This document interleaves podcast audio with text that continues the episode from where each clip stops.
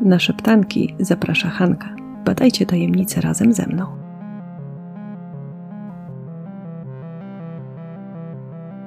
Dzisiejsza sprawa zrobi wrażenie chyba nawet na tych, którzy z kategorii True Crime słyszeli już wszystko. Bo oprócz tego, że będzie tu intryga w luksusowym, wydawałoby się świadku, i zapewnię Wam szalone, nieprawdopodobne i liczne zwroty akcji, to dla mnie na pierwszy plan wychodzi jednak wątek złamanego serca i życia chłopca, który odkąd został powołany na świat, walczył o miłość i spokój.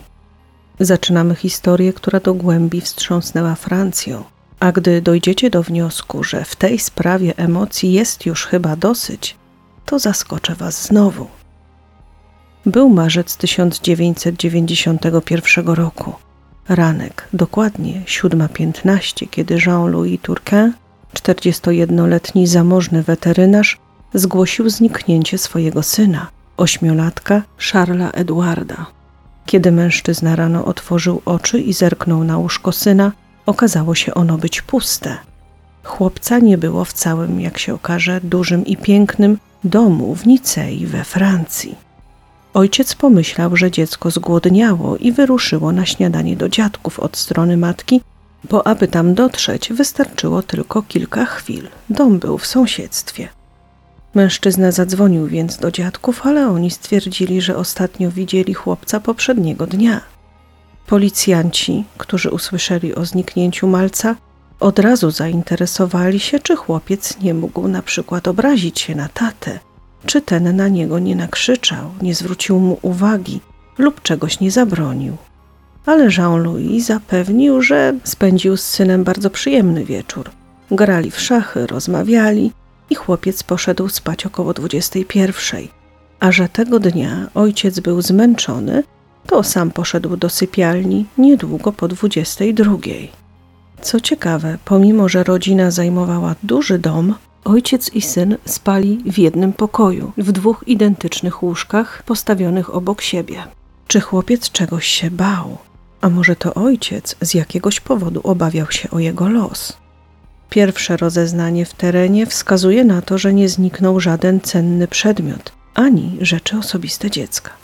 Na razie to wszystko było niejasne, ale policja natychmiast zabrała się do roboty. Na miejscu stwierdzili, że do domu raczej nie wszedł nikt niepowołany. Sąsiedzi zapewniali, że noc na ogół była spokojna, a jeśli słyszeli jakieś hałasy, to właściwie nie było to nic niepokojącego.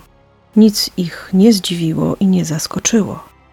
Ojciec przypomniał sobie wprawdzie, że ośmiolatek w nocy wstawał. To też nie było nic znaczącego. Bywało, że musiał skorzystać z toalety. Zdecydowano się na interwencję psów tropiących, które zdumiały śledczych, bo zatrzymały się niedaleko za drzwiami frontowymi. Blisko domu, ale jeszcze przed bramą, co jasno świadczyło o tym, że chłopiec nie oddalił się poza posiadłość. Być może więc wsiadł do samochodu? Tylko do jakiego auta, do czyjego? Jak jakieś obce mogłoby podjechać pod dom, skoro gospodarz nie otwierał nikomu bramy? Detektywi stwierdzili, że kluczem do rozwiązania zagadki może być sytuacja rodzinna chłopca, bo podejrzewali, że cokolwiek się wydarzyło, miało miejsce przy udziale kogoś z bliskich, kogoś, kto mógł bez problemu dostać się do domu i nie zwróciłoby to uwagi sąsiadów. Naturalnym było pytanie o matkę chłopca, która miała na imię Michelle. Od razu wyszło na jaw, że przed miesiącem dramatyczny kryzys w związku pary spowodował, że kobieta wyprowadziła się do domu swojej koleżanki i rozpoczęła procedurę rozwodową. Ale rozstanie to jedno. Drugim bardzo ważnym i decydującym o życiu całej rodziny wątkiem była kwestia opieki nad chłopcem, a o tym, jak to będzie wyglądać, miał zadecydować sąd i to już za dwa tygodnie. Słysząc te rewelacje, policja natychmiast pognała do Michelle i pierwszym, co zrobił funkcjonariusz, było dotknięcie silnika jej samochodu. Okazało się jednak, że jest kompletnie zimny. Było więc dość mało prawdopodobne, aby na przykład pracował przez całą noc. Przy okazji udało się ustalić alibi kobiety, ponieważ w domu przyjaciółki była ona sama oraz jej partner i byli oni przekonani, że kobieta nie mogłaby opuścić posiadłości niepostrzeżenie. Policja doszła do wniosku, że w tej chwili wątek matki, która miałaby porwać i ukryć dziecko, był mało zachęcający, ale nie było wątpliwości, że napięcia w rodzinie były ogromne. Chłopiec musiał je czuć. Wiedział, że zbliża się wielka walka, a on będzie przedmiotem sporu rodziców. Czy ośmiolatek mógł po prostu uciec? Wydawało się to niestety bardzo prawdopodobne. Gdy rodzice zaczęli opowiadać o tym, jak miał się ostatnio, nawet twardzi policjanci trochę się wzruszyli. Charles Eduardo bardzo cierpiał z powodu kłótni swoich rodziców. Było mu przykro, że są dla siebie tak niemili. Obawiał się, że być może to on jest zarzewiem konfliktu i aby przywrócić ciepłe relacje, w walentynki chłopczyk przygotował piękne bukiety kwiatów i położył je na talerzach swoich rodziców, przygotowując dla nich romantyczny posiłek. Inni bliscy wiedzieli jednak doskonale, że w głowie malucha wciąż rozbrzmiewały okropne słowa ojca, który wyrzucał matce w trakcie awantury, że przecież wcale nie chciała syna, była gotowa się go pozbyć, nim jeszcze przyszedł na świat. I nie była to jedyna rana w sercu tego chłopczyka, który właściwie od urodzenia słyszał krzyki, był świadkiem awantur, a co gorsza, nigdy nie miał poczucia bezpieczeństwa i nie rozumiał, co się tak naprawdę wokół niego dzieje. Rodzice schodzili się i rozchodzili, wracali do siebie deklarując chęć zmian i wielkie uczucie, a za chwilę w domu znów panowało istne piekło. Policjanci szybko ustalili, że chłopczyk do czwartego roku życia właściwie się nie odzywał, nie mówił. Nie wiadomo jednak, czy nie potrafił, nie umiał, czy był tak zestresowany i wycofany. Poza tym cierpiał również z powodu licznych tików nerwowych. Stwierdzono również u niego dysleksję. Nie radził sobie z rodzicami, z sytuacją w domu, własnymi emocjami i w końcu trafił na terapię psychologiczną. Terapeuta szybko stwierdził, że przed nim ogrom pracy, ponieważ chłopiec jest bardzo wrażliwy, delikatny, jego psychika jest dość krucha, a bez przerwy malec znajduje się w sytuacji, w której nawet silni psychicznie ludzie potrafią się załamać. Bał się już prawie wszystkiego ludzi, których nie znał, ciemności, samotności, rozmowy. Jedyne, co kochał, to zwierzęta kiedy je widział, mówił o nich, uśmiechał się szeroko i to właśnie w tych chwilach bywał tak naprawdę szczęśliwy. Ale teraz śledczy wiedzą, że nie mógł wyjść sam z posesji, bo musiałby zmierzyć się ze wszystkim, czego bał się najbardziej. Noc to przecież ciemność. Byłby sam, oprócz tego szedłby w nieznane, a nowego również bał się panicznie. Nie znosił zmian, Wiedziałby też, że przecież może na drodze spotkać kogoś obcego, a konfrontacji tego typu nie podjąłby na pewno z własnej woli. Scenariusz, który dotąd wydawał się bardzo prawdopodobny, trzeba było wyrzucić do kosza. Policjanci nie mieli więc żadnego innego wyjścia, jak tylko wrócić do wątku tajemnic rodzinnych, a okazało się, że było ich całkiem sporo. Można by rzec, studnia bez dna. Michelle wyznała w końcu, że gdy w styczniu pokłóciła się z mężem, nie tylko wypominała mu wiek, który powodował, że jest on już dla niej nieatrakcyjny, nie tylko oświadczyła, że ich miłość się już wypaliła, ale wykrzyczała mu także, że to nie on powołał na świat ich syna, dokładnie to jej syna biologicznego, bo Charles Eduardo był dzieckiem kogoś innego, nie jej męża. Początkowo 41-latkowi nie mieściło się to w głowie. Nie wierzył żonie. Uważał, że chciała go zranić i wiedziała, jak może to zrobić najsilniej. Jednak na wszelki wypadek zdecydował się przeprowadzić test na ojcostwo. I 11 lutego świat mężczyzny się zawalił. Rzeczywiście to nie on był biologicznym ojcem ośmiolatka, w związku z czym zdecydował się wydusić z Michelle informacje na temat tego, kto nim jest. Michelle oświadczyła, że jest to niejaki Moise Edelstein, czechosłowacki Żyd, tancerz baletowy, który robił karierę w Nicei. Jean-Louis był w kompletnym szoku. Nie wiedział, czy nie brzmi to trochę zbyt fantastycznie, ale kiedy żona wspomniała, że tancerz zaproponował jej w odpowiedniej chwili pomoc w pozbyciu się problemu, przypomniał sobie, że faktycznie wtedy to przecież nie były tylko puste słowa, które teraz przytacza, by zezłościć żonę. Ona faktycznie chciała to uczynić. Wtedy to on się przecież nie zgodził. Nie miał wprawdzie pojęcia, że Michelle go zdradziła, choć mógł się domyślać, ale całe życie trzymał się zasad wiary katolickiej, więc i w tym momencie nie przyszło mu nawet do głowy, że można byłoby dokonać czegoś tak strasznego. Jak można się domyślić, wszystkie te wyznania, rozmowy, zarzuty słyszał chłopczyk, który prawie od dnia swoich narodzin był nękany różnego rodzaju niepokojami. Ale czegoś, co wydarzyło się w lutym 1991 roku, mimo wszystko jeszcze nie było. Kiedy przyszły wyniki badań i mąż skonfrontował się z Michelle, to zauważył, że ona zamiast przepraszać, kajać się i okazać wdzięczność za to, że mąż przez tyle lat wychowywał jej dziecko z nieprawego łoża, postanowiła po prostu odejść. Z naszej perspektywy, w każdym razie może wielu z nas, zapewne wydaje się to rozsądną decyzją, która powinna była zapaść już dawno, zanim rodzice całkiem zmarnują życie chłopcu ale z perspektywy Jean-Louisa było to nie do pomyślenia. Był zrozpaczony, wściekły i zaskoczony. Chwycił gaz łzawiący i spryskał nim oczy żony. Przerażona Michelle, która bała się o siebie, uciekła, nie będąc nawet w stanie zabrać syna. To znaczy nie wiadomo, czy w ogóle chciała, ale nawet gdyby, to miała trudności z tym, żeby trafić w drzwi i bramę, ponieważ prawie nic nie widziała z pewnością nie byłaby w stanie poradzić sobie jeszcze z chłopcem, którego musiałaby nieść, a mąż zapewne by go jej wyrywał. To, co nastąpiło później, na pewno wymyka się racjonalnym osądom. Nie będę się więc nad tym rozwodzić, ponieważ zapewne każdy z nas zna pary, które nigdy nie powinny się spotkać. A jeśli już, to dobrze byłoby, aby robiły wszystko, żeby żyć jak najdalej od siebie wzajemnie. Niestety jednak te toksyczne relacje są zwykle bardzo silne stają się wręcz obsesją i żadne racjonalne argumenty nie trafiają do niby zakochanych, bo trudno w ogóle powiedzieć, czy można to nazwać miłością.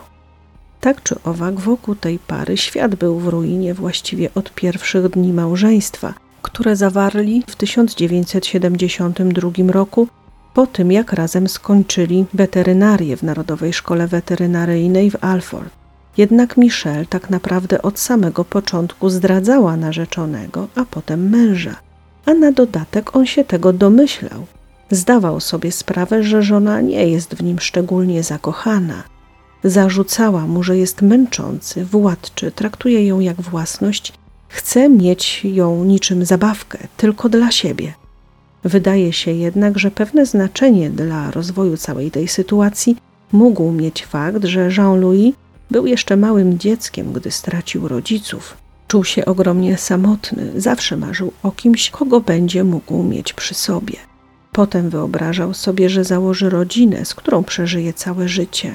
Gdy Michelle zaszła w ciążę, nic nie było ważniejsze. Ani to, jaka jest dla niego, czy faktycznie są idealnie szczęśliwi, czy też mają mnóstwo problemów. Kluczowe było to, aby dziecko miało oboje rodziców. I Michelle mu uległa ale wydaje się, że od samego początku tego żałowała. Gdzieś w środku była wściekła, że dała się namówić na ten układ. Zrezygnowała z wolności i nie posłuchała siebie. W jakimś sensie miotała się w pułapce. Usiłowała się z niej wydostać. Wikłała się w kolejne związki, prowokując męża do tego, by ten sam ją porzucił. I tak 13 grudnia 1990 roku jeden z jej partnerów zjawił się w ich domu zwrócić jej klucze do biura. Kobiety wtedy nie było, a mężczyzna poinformował pana domu, że jego własna żona właśnie zerwała z gościem, który stanął u drzwi. Wściekły adorator wyrzucił też przy okazji, że całkiem niedawno podobnie potraktowała poprzedniego kochanka. Jean-Louis był zupełnie załamany, ale też targały nim inne silne emocje, typu wściekłość, chęć odwetu, marzenie o zemście. Spalił więc ważne dokumenty osobiste żony, schował jej samochód, a na wszelki wypadek przeciął opony, bo nawet gdyby go znalazła, i tak nie mogłaby odjechać. W tej sytuacji Michelle wyprowadziła się do przyjaciół, ale tylko na nieco ponad tydzień a te osiem dni wypełnione były miłosnymi zaklęciami, błaganiami, wizjami przyszłości i obietnicami zmian. I kobieta wróciła. Oczywiście koronnym argumentem było dobro dziecka, które jednak nigdy nie doświadczyło tak wiele zła, jak wtedy, gdy w tym akcie dbałości o niego rodzice zamieszkali na powrót razem. Teraz już bez przerwy się kłócili, zarzucali sobie najgorsze rzeczy. Każde spotkanie w korytarzu oznaczało nową wojnę. Chłopiec był przerażony, udręczony, niepewny przyszłości i marzył tylko o tym, by rodzice byli szczęśliwi. Starał się łagodzić klimat w domu, organizował rodzicom randki. To on starał się być promykiem tej rodziny. Rzecz jasna, to pomóc nie mogło. Był to związek dysfunkcyjny, chory i wydawałoby się, że w jakiś sposób przepełniony czystą desperacją męża a przynajmniej tak to się komentuje w różnego typu publikacjach. Na przykład Jean-Louis w swoim własnym gabinecie weterynaryjnym przeprowadził procedurę bardzo mocno kojarzoną z tradycjami Żydów. Dla nich oczywiście jest to symbol, rodzaj rytualnego przejścia na wyższy poziom religijności, ale on uczynił to po to, aby lepiej panować nad sobą w sytuacjach intymnych i maksymalnie je przedłużyć choć mógł istnieć jeszcze jeden powód, ale potem do niego wrócimy. Było to bardzo szokujące i trudno powiedzieć, w jaki sposób w ogóle mężczyzna o tym myślał. Czy myślał, że zmiana w kontaktach intymnych jakoś nagle wpłynie na całą sytuację w domu, umocni związek? Jednak jak miałoby do tego dojść, jeśli na co dzień małżonkowie spali w osobnych sypialniach? Widywali się tylko na korytarzu, i wtedy syn pilnował, by nie zrobili sobie wzajemnie krzywdy, więc prawdopodobieństwo nagłego rozkwitu życia w sypialni nie było szczególnie duże. Żeby było jeszcze dziwniej, Jean-Louis stwierdził, że chce pozamykać wszystkie stare sprawy w życiu Michelle i zaprosił jej dwóch byłych kochanków na spotkanie, na którym oczywiście miała być również ona sama, a panel dyskusyjny miałby przeprowadzić gospodarz tego dziwacznego eventu. Michelle, zresztą muszę przyznać, że chyba słusznie, postukała się w czoło i stwierdziła krótko, że nie ma mowy. Co prawda można różnie oceniać jej podejście do życia, małżeństwa, macierzyństwa, ale trzeba przyznać, że to ona zorientowała się, że tkwią w bardzo toksycznej relacji i że tylko rozstanie jest szansą na uratowanie zdrowia psychicznego dwojga małżonków, jak również ich syna. Starała się przeciąć tę chorą więź ale mąż nie ustawał w wysiłkach, by sprowadzić żonę do domu. Pisał, dzwonił, wyznaczał terminy, a ten ostateczny powrotu miał nastąpić 20 marca o północy. Co ciekawe jednak, z tych jego komunikatów wynikało, że jeżeli żona i matka nie przejmie się tym terminem, to stanie się coś bardzo złego. Jednak co konkretnie, nie było wiadomo. A przecież ośmiolatek zniknął właśnie 20 marca. Policja podejrzewała, że mógł to nie być zwykły przypadek. I wiedziała to również Michelle, o ile wcześniej uciekała od męża i to on był motorem tego małżeństwa, o tyle teraz to kobieta robiła wszystko, by od czasu do czasu nawiązywać kontakt z 41-latkiem. Jak wyjaśniała, wiedziała, że to jej mąż ma klucz do zagadki. Przede wszystkim chciała wiedzieć, czy jej syn żyje, gdzie jest, u kogo, co się z nim dzieje. Spotkała się więc na przykład z mężem na kawie, a on był zachwycony i cały w emocjach. Mówił coraz więcej. I tak pod koniec kwietnia 1991 roku kobieta zgłosiła policjantom, że podekscytowany jej nową postawą mąż zaczął uchylać kusząco rąbka tajemnicy. Sugerował, że chłopiec może być w Maroku i choć najpierw straszył ją, że ktoś go zabrał w sobie tylko znanym celu, to potem przyznał, że tak naprawdę można by go sprowadzić do domu, ale warunkiem jest oczywiście powrót Michelle do męża. Kobieta zadeklarowała policjantom, że jest gotowa na wszystko, by odzyskać syna i nie ma problemu, aby udawała, że pracuje nad odbudowaniem małżeństwa. Zdecyduje się na każdy gest, który to uwiarygodni. Policja wyposażyła więc Michelle w urządzenie podsłuchowe, nagrywające i poinstruowała ją, jak z tego korzystać, aby zdobyć potrzebne dowody. Michelle udała się do gabinetu weterynaryjnego męża z urządzeniem nagrywającym przy sobie i postawiła wszystko na jedną kartę. Udawała, że skoro tyle wydarzeń ich nie rozdzieliło, to najwyraźniej są sobie pisani. Doprowadziła do zbliżenia, aby mąż był pewien, że ich więź znów jest realna. Jean-Louis był zachwycony. Wreszcie dostał to, czego chciał. Wiedział jednak, że musi teraz uiścić opłatę. Dlatego wyznał żonie, że, że podał Charlesowi Edwardowi środki uspokajające dla zwierząt, po czym chwycił swój krawat, odpowiednio ułożył go na drobnej szyi i zacisnął. Stwierdził, że poszło bardzo szybko. Zszokowana Michelle zapytała jeszcze dla pewności, dlaczego wybrał akurat taki sposób. Mąż rezolutnie wyjaśnił, że przecież gdyby posłużył się nożem, zrobiłby okropny bałagan, a tak po prostu po wszystkim chwycił chłopaka, wniósł do samochodu i udał się do wioski, takiej malowniczej, górskiej, gdzie zauważył stojący samotnie krzyż. Oto znalazł idealne miejsce. Jak bardzo zaburzony był weterynarz, niech świadczy fakt, że naprawdę głęboko wierzył, iż właśnie naprawił swoje małżeństwo. Oświadczył Michel, że jej syn jest teraz bardzo szczęśliwy. Leży gdzieś w Luceram, wreszcie zaznał spokoju. Jest mu lepiej niż było na ziemi, bo dane mu było żyć w momencie, kiedy w ich domu panował tak straszny niepokój. Ale teraz wystarczy przewrócić stronę tej książki o nich, bo przecież nie są przeklęci.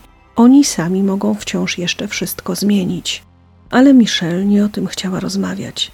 Naciskała, by mąż określił dokładnie miejsce, w którym może znaleźć swojego syna. Ale on zbył ją, oświadczając, że było wtedy ciemno. A poza tym nie chciał brnąć w ten temat, bo nie miał ochoty na dwadzieścia lat od siatki. Powiedział: Wiesz bardzo dobrze, że mówię prawdę. Nie rozumiesz tego, że to dla mnie bardzo ważne, byś go nie znalazła? A co ty byś zrobiła na moim miejscu? Po prostu chcę z tobą mieszkać, bo nie może być tak, jak jest teraz. 13 maja do drzwi rezydencji Jeana Louis puka policja, dokonuje aresztowania, ale mężczyzna twierdzi, że jest niewinny i nie mówił Michel niczego takiego, na co powołują się w tej chwili mundurowi. Ci jednak, jak królika z kapelusza, wyciągają dowód w postaci nagrania, ale Jean-Louis wydaje się mieć to przemyślane. Stwierdza, że przecież tylko się droczył, odgrywali rolę. Oboje doskonale wiedzieli, jaka jest prawda, ale Michelle życzyła sobie jego uległości. Postawiła jasne wymagania, określiła swoje warunki, a on po prostu je wypełniał. Mówił to, co chciała usłyszeć, tylko po to, by do niego wróciła, nic więcej.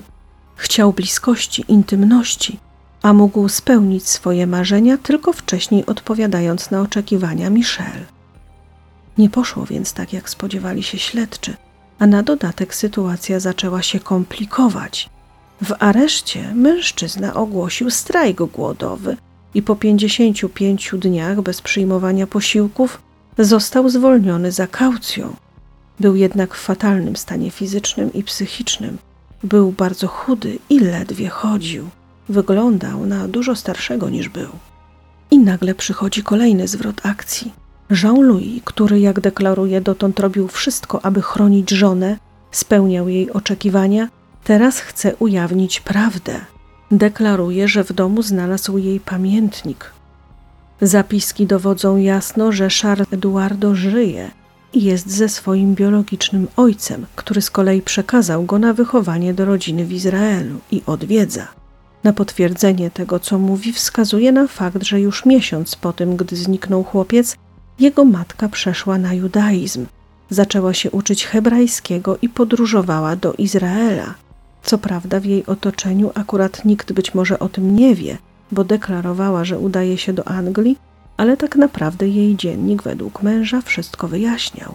Michelle zamierzała kupić dom w Tel Awiwie, a teraz, gdy Jean-Louis stracił już wszelką nadzieję na to, że będą razem, wynajął prywatnego detektywa aby ten rozejrzał się po okolicy domu, który być może nawet żona już kupiła. Najprawdopodobniej gdzieś tam jest ich syn. Mąż uważał, że matka szykuje dla siebie i syna nowe gniazdko. Prawnicy korzystali z osiągnięć prywatnego detektywa i wysłuchali dwóch fryzjerów, a ci opowiedzieli nieprawdopodobną wprost historię.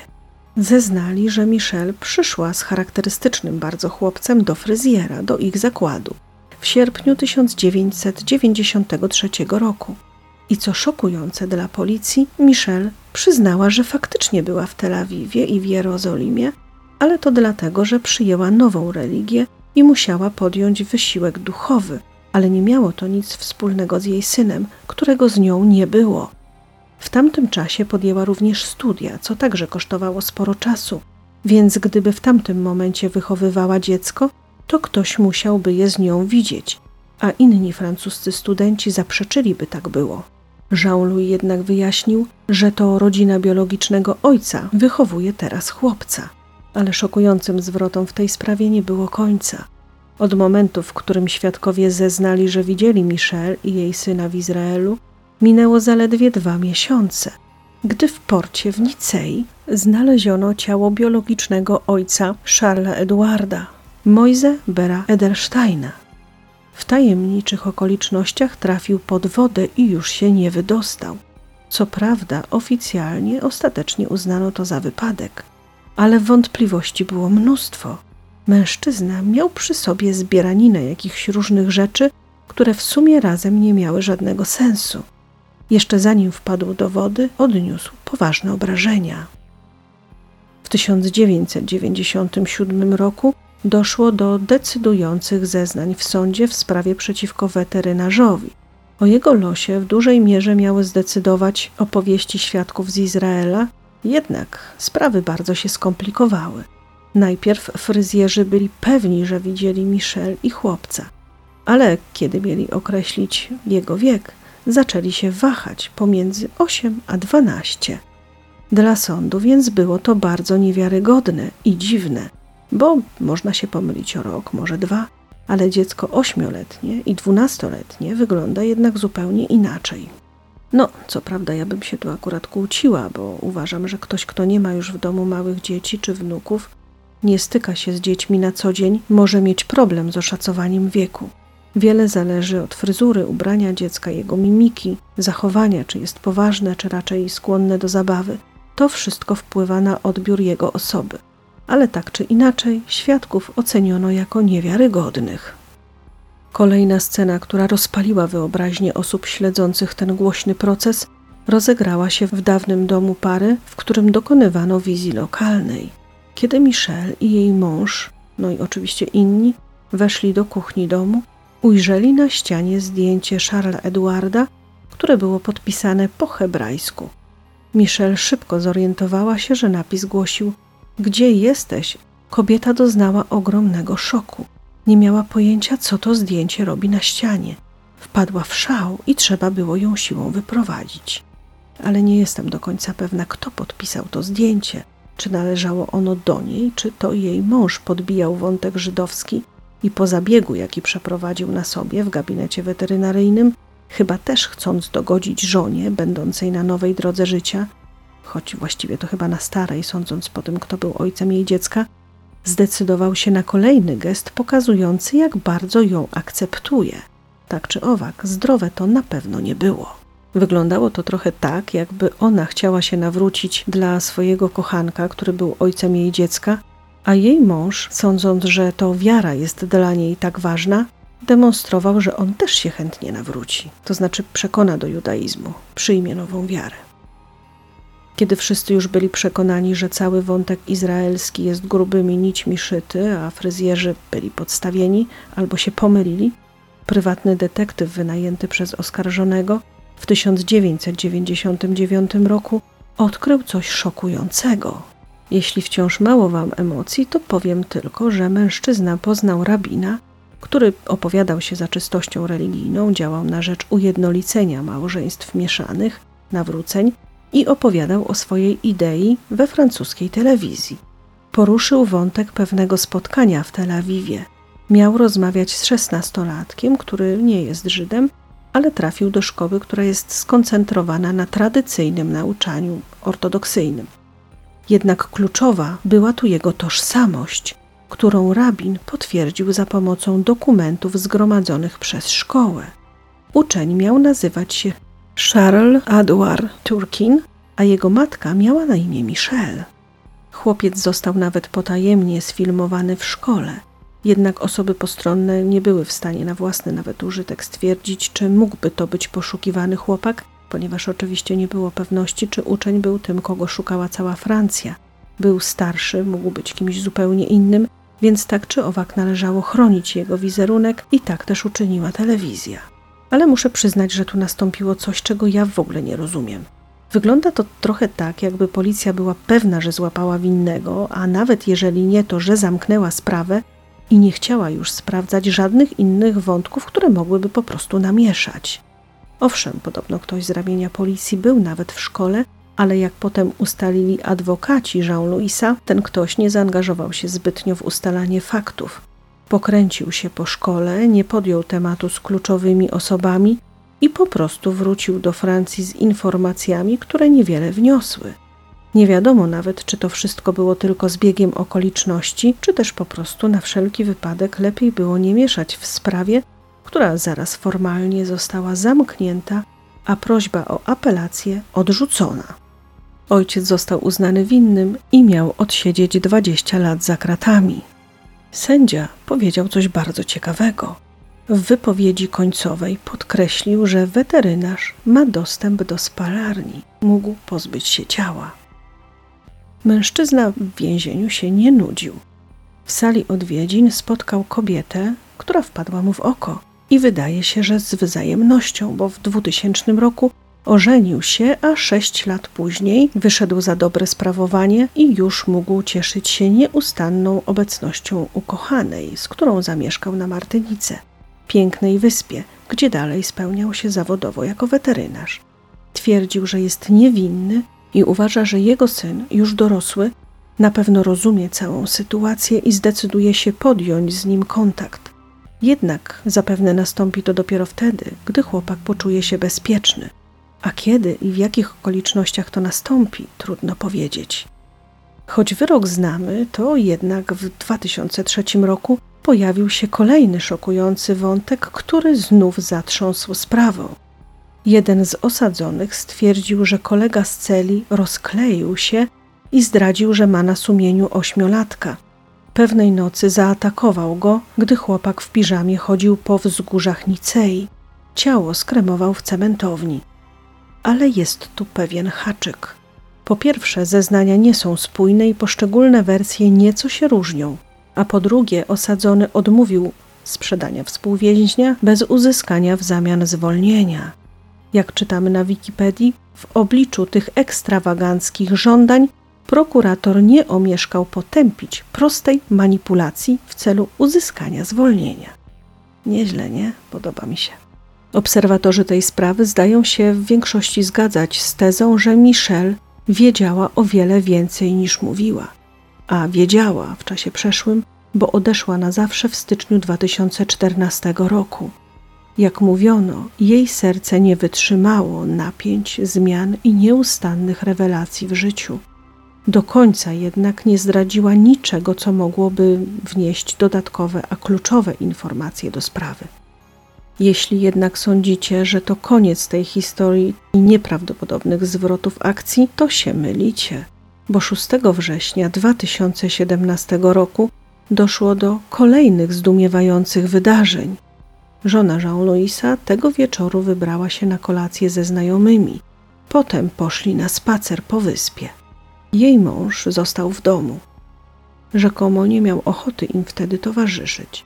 Gdy kobieta wróciła do domu, od razu zauważyła, że coś jest nie tak. Dom był splądrowany, wszystko było w nieładzie, ale co najgorsze, jej mąż leżał bez życia. Ktoś mu je zabrał z pomocą dwóch kul, które teraz tkwiły w jego plecach. Zszokowana żona wezwała policję. Ta jednak szybko zorientowała się, że na dłoniach kobiety znajduje się proch. Został wykryty dzięki specjalnemu testowi. Mało tego, w zaciśniętej pięści mężczyzny znajdował się kawałek jakiegoś szkła czy ceramiki, porcelany, a na nim stwierdzono obecność jej krwi. Nie będzie więc zapewne dla nikogo zaskoczeniem, że kobieta została aresztowana, ale udało jej się wywalczyć kaucję, dzięki której czekała na proces na wolność. Policjanci bardzo szybko ustalili, że kobieta nosiła się z zamiarem rozwodu, ale jak się okazało, była w pułapce. Mąż od razu zapowiedział, że nie ma szans, aby od niego odeszła. Ale dlaczego w ogóle chciała go opuścić? Jak wyznała policjantom, bała się go. Miała dość. Był nieprawdopodobnie zaborczy, kontrolujący, apodyktyczny i zachowywał się dziwacznie. A ponadto, zamiast zrozumieć, że tylko zmiana jego postawy i postępowania może wpłynąć na kondycję małżeństwa, on upierał się przy swoich koszmarnych zwyczajach, starając się zupełnie absurdalnymi dla kobiety metodami zatrzymać ją przy sobie. Z jednej strony wydawał fortunę na rejsy, wyprawy, wakacje, prezenty, ale z drugiej wciąż traktował ją niemal jak niewolnicę, bez prawa do własnego życia, zdania, planów. Zdecydował, że najpierw powinni się jednak przed rozwodem spotkać z mediatorem, spróbować się pojednać i miało to nastąpić 2 stycznia 2017 roku, ale kompletnie nic to nie dało, a cztery dni później mężczyzna odszedł na zawsze. Sensacja była nieprawdopodobna, ale wszyscy mieli kilka pytań. Jean-Louis Turquin przecież trafił na pierwsze strony gazet w latach 90. po tajemniczym zniknięciu swojego syna, o którego usunięcie niczym każdej innej zwykłej przeszkody został oskarżony. Dlaczego druga żona w ogóle zdecydowała się za niego wyjść? Musiała przecież wiedzieć o nim to wszystko, więc co ich połączyło? Jaka jest jej rola w jego śmierci? Co o nim wiedziała, w co wierzyła? Okazało się, że Nadine była nauczycielką tańca. Dla kanału TF1 Info opowiedziała, że jej mąż, Jean-Louis Turquin, miał 68 lat i nigdy nie powiedział ani nie zrobił nic, co świadczyłoby o jego winie w sprawie syna. Wszystko, co mówił żonie, Michel, miało tylko jeden cel. Wtedy chciał ją odzyskać, Wiedział, że jeśli będzie udawał, że wierzy w jej niewinność, ona przy nim zostanie. Zbudują sobie świat na nowo, taki, w którym wersja wydarzeń będzie im pasować i będą szczęśliwi. Nie będą się wzajemnie obwiniać, podejrzewać i wszystko będzie dobrze. Pozwolił jej myśleć, że w razie czego zawsze będzie jej bronił, nawet weźmie winę na siebie. Po tym, gdy z drugą żoną zamieszkał na Martynice, Zwierzył się nawet prasie, że wreszcie jest szczęśliwy z żoną, taką, która go kocha, rozumie, ma normalne życie. Tak bardzo go przecież pragnął. Ale i tak wie, że choć z czasem będzie zapominał o sobie, swojej własnej historii, to nigdy nie zapomni o synu. Cieszy się, że ma kogoś, kto go wspiera, ukochaną żonę. A połączyła ich, jak ona sama później wyznała, pasja do zwierząt i do natury. Ona też uwielbiała obracać się wśród zwierzaków, a mąż był przecież weterynarzem. Na pięknej wyspie Saint-Martin mieli odnaleźć spokój wśród urzekającej natury, zapomnieć o przeszłości, ale żyć z wiarą, że syn Jean-Louisa do niego wróci.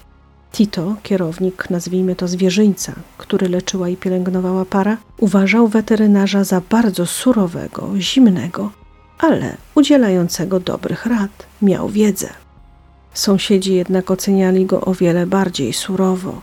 Niejaka Genevieve ujawniła, że żona była w tym związku ofiarą. Dokładnie to jego zaborczego i autorytarnego charakteru. Cały czas była upokarzana, stwierdziła koleżanka pary. W jaki sposób? Na przykład Jean-Louis Turquin wydziedziczył żonę dwa miesiące przed dramatyczną nocą. Od tej pory miała więc mieć pieniądze tylko gdy będzie przy nim i na dodatek, jeśli będzie się zachowywała tak, jak on sobie tego życzy. Ale dlaczego kobieta to tolerowała? Jak mówi, nabierała się na rozpacz męża, gdy groziła rozstaniem. Powiedziała: Zawsze przesuwałam termin odejścia, bo w gruncie rzeczy nie chciałam, żeby był nieszczęśliwy. Mogę być podejrzana, ale jak każda inna osoba, bo nie mam motywu. Finansowo nie korzystała za wiele, ale czy rzeczywiście mogła w każdej chwili odejść i dlatego nie miała motywu? Można się zastanawiać, czy to, co się stało, tak naprawdę nie okazało się jedynym sposobem, by mogła uciec od dręczyciela z tego domowego więzienia. Policja jednak nie wyklucza do dziś nieudanego napadu lub zemsty ducha przeszłości, bo co ciekawe, według nielicznych przyjaciół mężczyzny, ostatnio był bardzo zaniepokojony Mieli wrażenie, że kogoś się boi, jest jakby czujny i nie jest tak pewny siebie jak zazwyczaj. Czyżby na wyspie pojawił się ktoś, kogo się obawiał Kto kręcił się koło niego zbyt często? Czy czuł, że ma ogon? Inna sprawa, że właściwie to zmienił się tylko powód, czy też doszedł nowy, bo ten mieszkaniec wyspy nigdy właściwie nie był spokojny, odkąd się tu wprowadził. Gdy tylko wyszedł z więzienia, miał w głowie obsesyjną myśl odnaleźć syna. Był przekonany, że ten wciąż żyje. A jakie miał argumenty? Na przykład taki, że matka chłopaka nigdy oficjalnie nie potwierdziła, że wierzy w śmierć syna. Dopiero kilka miesięcy wcześniej, przed dramatycznymi wydarzeniami, krewny kobiety poprosił Jean Louisa, by ten uznał syna za zmarłego, co pozwoli uporządkować sprawy spadkowe. Sama Michelle tego nigdy nie zrobiła. Czy wierzyła, że nadejdzie moment, w którym syn dostanie majątek rodziców? Pierwsze ustalenia policji prowadzą do pewnej grupy grasującej na wyspie, bo zgadza się kaliber broni, którą członkowie tej grupy się posługują. Ale może przyjęła na przykład zlecenie od kogoś, komu weterynarz ewidentnie przeszkadzał. Czy zbliżał się do zdobycia informacji, która komuś krzyżowałaby plany? Prawnik Turquin deklaruje, że jego klient wierzył w odnalezienie syna. Było to dla niego bardzo realne. Powiedział: Jean-Louis był zdeterminowany, aby wytrwać aż do upragnionego efektu. Był gotowy na opłacanie kolejnych prywatnych detektywów aż do skutku. Chciał także rewizji swojego procesu. Wraz z jego śmiercią umknęły tajemnice, które otaczały jego życie przez ostatnie 20 lat. Ale nie znaczy to, że zagadka nocy, podczas której Nadine Turquin straciła męża, to temat zamknięty. Policja wie, że kobieta nie mówi wszystkiego. Dlaczego na przykład świętowała swoje urodziny z trzema przyjaciółmi w kreolskim barze, ale nie było z nimi jej męża? Jednak z nim przecież była. Mieszkali w tym samym domu, zaangażowali się nawet w proces pojednawczy. Kobieta zgodziła się na mediacje przedrozwodowe. Skąd więc taka manifestacja rozłączności? Wciąż tajemnicą jest także zeznanie sąsiadów mówiące o hałasie w willi około godziny 22, podczas gdy żona stwierdziła, że znalazła ciało męża o godzinie 24.30. Sąsiedzi zatem nie mogli mówić o momencie dokonania koszmarnego odkrycia. Coś działo się wcześniej. A jeśli tak, to żona miałaby alibi. Jakiego rodzaju był to hałas? Kogo słyszeli sąsiedzi? Co? Czy wcześniej przyjechał jakiś samochód? I co najważniejsze, na nożu w domu znaleziono męskie DNA. Do kogo ono należy? Moja matka jest głęboko udręczona tym, co się stało, zapewnił syn Nadine. Związek nie rozwinął się tak, jak sobie tego życzyła, ale jej mąż był jednak mężczyzną, którego bardzo kochała. I nawet jeśli Jean-Louis Turquin miał wyjątkowo trudny charakter, szanowałem jej wybór i decyzje takie czy inne. To ona musiała się teraz zastanowić, czy rozwód nie uczyni jej szczęśliwszą. Los sam zdecydował, jak to rozwiązać. Syn jest całkowicie przekonany, że wszystko, co się stało, odbyło się zupełnie poza wiedzą jego matki. Odpowiedzi trzeba szukać w jego przeszłości, nie ich wspólnej. Jak Wam wspominałam, w 2017 roku Nadine Turquin została oskarżona, ale w czerwcu 2019 sąd apelacyjny ponownie przyjrzał się sprawie, a to na wniosek adwokatów, bo ci odkryli, że kolejny raport biegłych przedłożony w lutym 2019 roku właściwie w całości unieważnił wnioski sędziego śledczego, wskazując na to, że ślady prochu na jej rękach mogły przedostać się przez skażenie w kontakcie z ciałem. I tak Nadine Turquin otrzymała status świadka w sprawie, a sama historia nie znalazła finału. Wiosną 2020 sprawa przeciwko niej została umorzona, ale kto w takim razie jest winnym w tej sprawie, nie ustalono. Kochani, bardzo chciałabym to jakoś sensownie uporządkować, podsumować ważne wątki, ale powiem szczerze, że nawet nie wiem od czego zacząć. Przede wszystkim mam wrażenie, że w tej sprawie policja postawiła na niewinność tego, kto pierwszy się do nich zgłosił, oskarżając współmałżonka. Michelle udała się do śledczych z teorią, że mąż stoi za tym wszystkim, a ona go skłoni do wyznań. Zachwyceni detektywi nie zastanowili się nad tym, że największym marzeniem męża jest odzyskanie kontroli nad życiem, sprowadzenie żony do domu i zrobi on wszystko, by dopiąć swego. Nie dostrzegli również, że być może, podkreślam być może, kobieta po prostu podyktowała mu to, co chciała usłyszeć, a on podjął grę. Chciała, by uważał ją za niewinną, chronił, wtedy powrót będzie możliwy. I tak też mąż opowiedział najpierw o Maroku, o jakimś złoczyńcy, który zabrał chłopaka dla swoich celów, ale wiedział, że to nie działa. Michel się zniechęca, oddala. Nie takie rozwiązanie jej pasuje. Natychmiast więc wplata nowy wątek potencjalnej możliwości powrotu syna. Ale z czasem i to okazuje się bez sensu, bo przecież na to mężczyzna nie ma wpływu. A ponadto nie dawało to pewności Michelle, że jest bezpieczna. Przyznaje się więc, dając znać, że to wersja dla nich, bo on nie chce siedzieć. Oczywiście możliwości są co najmniej dwie. Albo mężczyzna doskonale wiedział, że żona wie, gdzie jest syn, ale podjął jej grę, bo to dawało mu szansę na to, by znowu byli razem, albo był winny i rzeczywiście wyrzucił z siebie wyznanie, wiedząc, że to ich połączy. Co jednak, gdyby to on pierwszy poszedł do śledczych, mówiąc, że ma pamiętnik żony, która pojednała się z ojcem jej dziecka, właśnie przyjmuje jego wiarę, przekazała syna rodzinie partnera, ojcu dziecka i są świadkowie, którzy widzieli chłopca. Czy wtedy to Michelle zostałaby aresztowana? Wcale bym się nie zdziwiła. Duża część rewelacji Jean-Louisa się potwierdziła. Kobieta zmieniła wiarę, jeździła do Tel Awiwu, do Jerozolimy, a kiedy sprawa się wydała, bo działał prywatny detektyw, przybywało świadków, 24 grudnia 1993 roku w tajemniczych okolicznościach życie stracił ojciec biologiczny dziecka. Był ubrany w dziwne wędkarskie wodery, jakby miał łowić ryby, ale nie bardzo miał czym i po co. Zdecydowanie mogłoby się wydawać, że miał związek z tą sprawą, ale stał się niewygodny. Czy był wspólnikiem kobiety, czy w którymś momencie nie chciał już współpracować i zdecydowała się, że trzeba go usunąć? A może zdecydowała się prowadzić życie z daleka także od niego, a on się na to nie godził. Możliwe jednak, że mężczyzna po prostu początkowo nie wiedział, w co wdepnął. Teraz miał już dość ukrywania się, uciekania, dbania o to, by syn był bezpieczny, życia w strachu, że wszystko to się wyda. Ale gdyby się wydało, to Michelle byłaby w fatalnej sytuacji. Byłaby przecież odpowiedzialna za zorganizowanie wywiezienia swojego syna za granicę bez zgody ojca, którym jednak oficjalnie, prawnie był Turquin. Kara za to jest surowa. Byłaby kryminalistką. Zamiast ułożyć sobie nowe życie, znalazłaby się za kratami.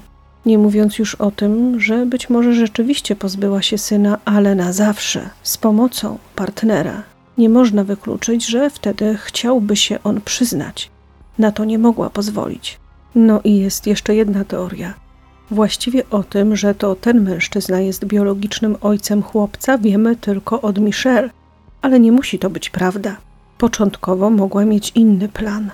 Chciała zabrać dziecko i żeby zamknąć mężowi drogę do jego odzyskania, sugerowała, że oto związała się z biologicznym ojcem chłopca i teraz rodzina jest w komplecie. Ale mógł to być partner nowy, na którego wskazała jako na ojca z typowo praktycznych pobudek.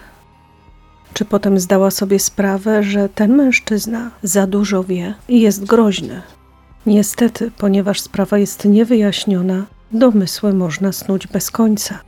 Wcale nie jest wykluczone zapłacenie komuś za usługę z krat.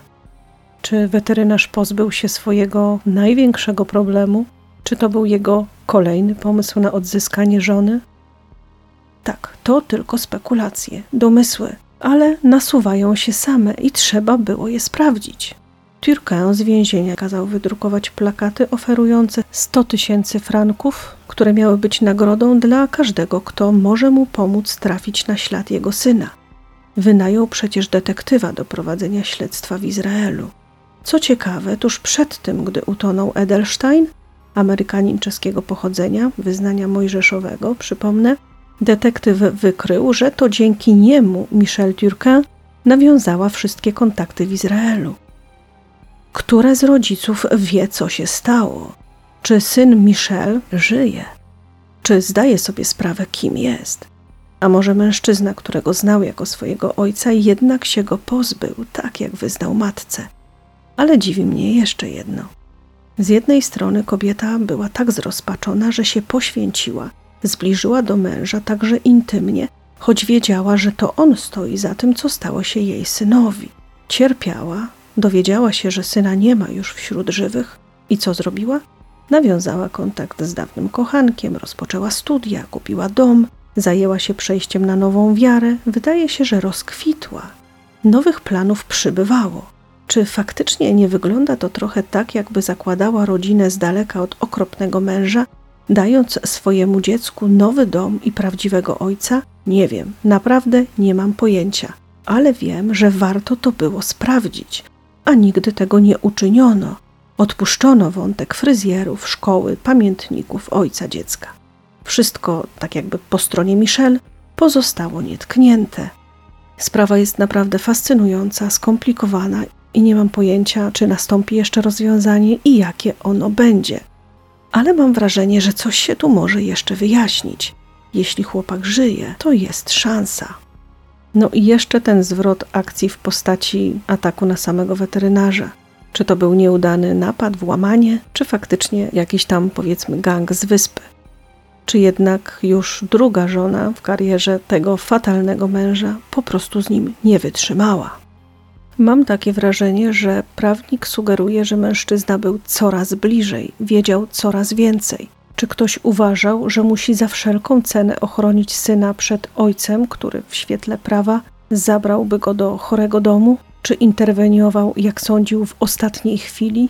Czy wierzył, że działa dla dobra dziecka w imieniu jego matki, która nie mogła go już chronić? Kochani, koniecznie dajcie znać, co na ten temat sądzicie. Jaka jest Wasza teoria? Może żadna z tych przedstawionych w ogóle do Was nie trafia. Czekam na Wasze komentarze, jak zawsze rewelacyjne. Dziękuję Wam już za ten czas razem, ściskam Was mocno bardzo serdecznie zachęcam Was do odwiedzenia mojego drugiego kanału, gdzie znajdziecie Wasze prawdziwe opowieści z dreszczykiem, te, które kiedyś były na tym kanale, ale także bardzo wiele innych zagadek świata, które wspólnie próbujemy rozwiązać, tak rozsądnie, niekoniecznie z zacięciem paranormalnym. Myślę, że naprawdę warto wiedzieć to wszystko o świecie. Czy w to wierzymy, czy nie, to znaczy, czy w takie, czy w inne rozwiązanie. Na pewno warto mieć świadomość, że takie zjawiska gdzieś tam obok nas występują przynajmniej potencjalnie. Ściskam Was mocno, całuję moich patronów, wszystkich, którzy zostawiają łapki w górę, komentarze i mam nadzieję, że do usłyszenia niebawem. Buziaki.